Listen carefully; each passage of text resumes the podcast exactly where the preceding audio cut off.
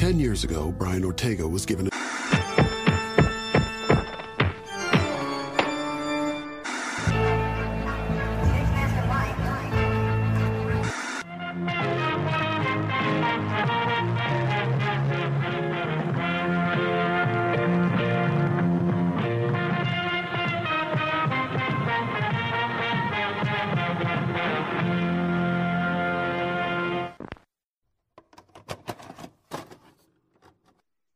Immorality fused the machine.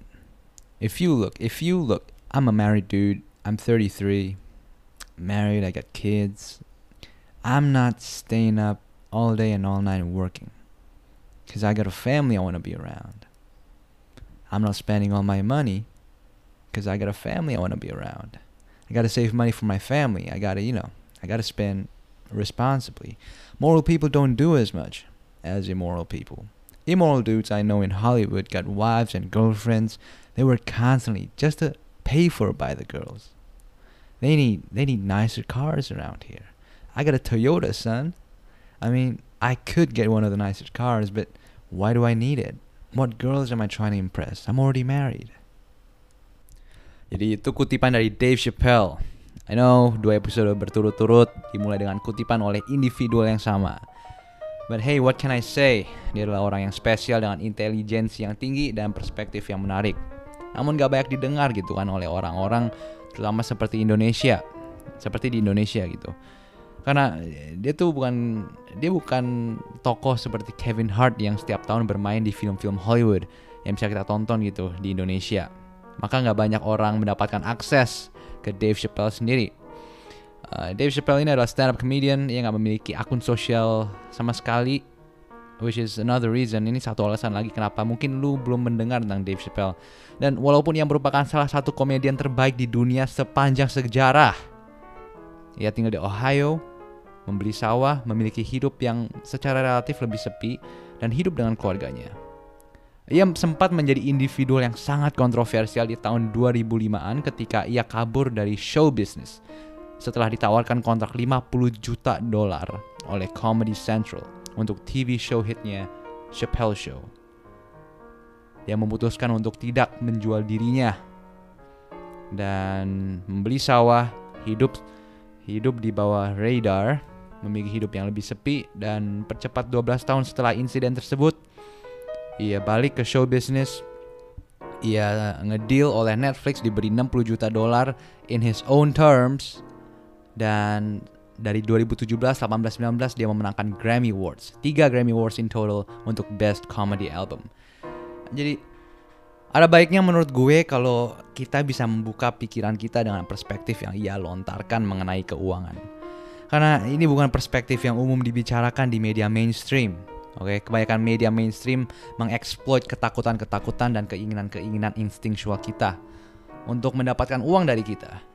Makanya sistem ini nggak akan jalan jika konstituen-konstituen yang mendirikan sistem ini terdiri dari orang-orang yang nggak banyak mengeluarkan uang. Salah satu cara yang mereka lakukan adalah dengan membuat lu berpikir bahwa jalan menuju kesenangan adalah melalui memiliki baju-baju paling baru, model HP paling baru, ataupun meminum minuman-minuman seperti Coca-Cola. Kita akhirnya dikelabuhin kan. Kita mulai bermain permainan mereka.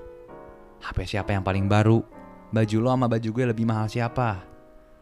Lebih banyak peserta permainan ini lebih banyak uang yang diperlukan oleh orang-orang ini untuk terus membeli barang-barang baru atau mahal. Karena mereka mau menang, gitu kan? Dan ketika kita memerlukan uang lebih banyak, kita harus kerja lebih banyak.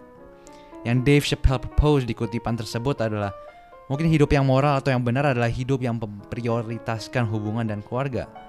Buat apa lu beli Mercy kalau lu bisa pakai Camry? Lu mau nge-impress siapa lagi kalau udah nikah atau udah pacaran? Ayah lu lagi sakit, lu mau ngurusin ayah lu atau lu harus pergi dan kerja untuk mendapatkan uang lebih banyak? Ada lagi satu teori yang lumayan bisa menjadi challenge untuk pengeluaran uang kita gitu. Membuat kita berpikir dua kali kalau kita mau mengeluarkan uang kita, which is the hedonic treadmill. Lu mungkin udah mendengarkan teori ini kan, the hedonic treadmill. Ini satu teori yang menyatakan dan sudah dibuktikan bahwa manusia akan beradaptasi dengan kondisi-kondisi hidupnya. Malah ada satu studi ya, ini ada satu studi yang akan gue kutip dari buku The Happiness Hypothesis dari Jonathan Haidt bahwa di bukunya ada satu studi yang menjelaskan bahwa di jangka waktu yang panjang tingkat kesenangan seseorang yang baru memenangkan lotre lotre uang dengan orang yang baru mengalami, mengalami sorry kecelakaan fatal akan balik ke tingkat yang sama. Jadi di jangka waktu yang pendek tentunya yang mengalami kecelakaan bakal lebih sedih dan yang menangkan lotre akan lebih tinggi gitu kesenangannya. Tapi di jangka waktu yang panjang tingkat kesenangan mereka akan relatively sama lagi. Dan satu lagi, gerakan balik ke baseline ini tuh yang makanya mem membuat kita nih makin enak kondisi hidup lu lu akan makin terbiasa dengan kondisi tersebut. Oke jadi lu akan memerlukan stimulan atau kondisi yang lebih hebat lagi untuk membuat lu lebih senang. Treadmillnya nggak ada akhir-akhirnya oke? Lu punya Camry sekarang senang mungkin. Setelah satu tahun lu pengen Mercy. Lu beli Mercy lu seneng lagi. Salah satu tahun dua tahun lu jadi pengen Lamborghini. Treadmillnya nggak ada akhir-akhirnya itu kayak lu lari di treadmill asal lu naikin speednya makin kenceng speednya lu harus lari makin panjang dan lebih lebih lebih cepat gitu larinya.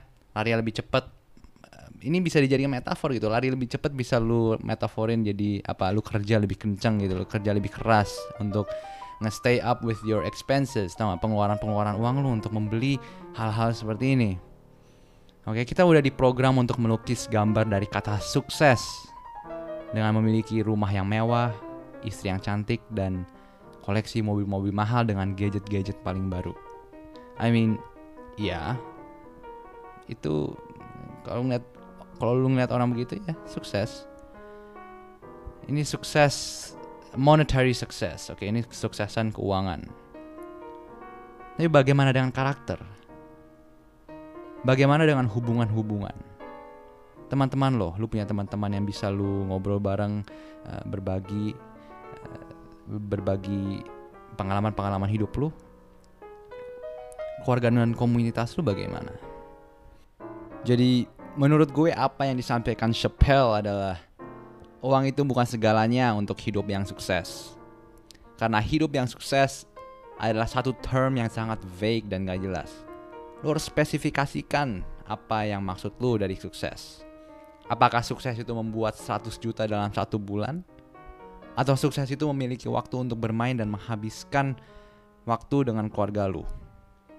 Karena karakter juga harus lu take into account dalam menilai uh, tingkat kesuksesan lu uh, di hidup lu. Oke, okay. itu aja yang mau gue bagikan hari ini. Um, terima kasih untuk terima kasih udah mendengar. Kalau lu pada belum follow atau subscribe this podcast, kayak please do so. It would mean a lot to me, man. Um, so uh, thank you again, and yeah, I will see you in the next episode.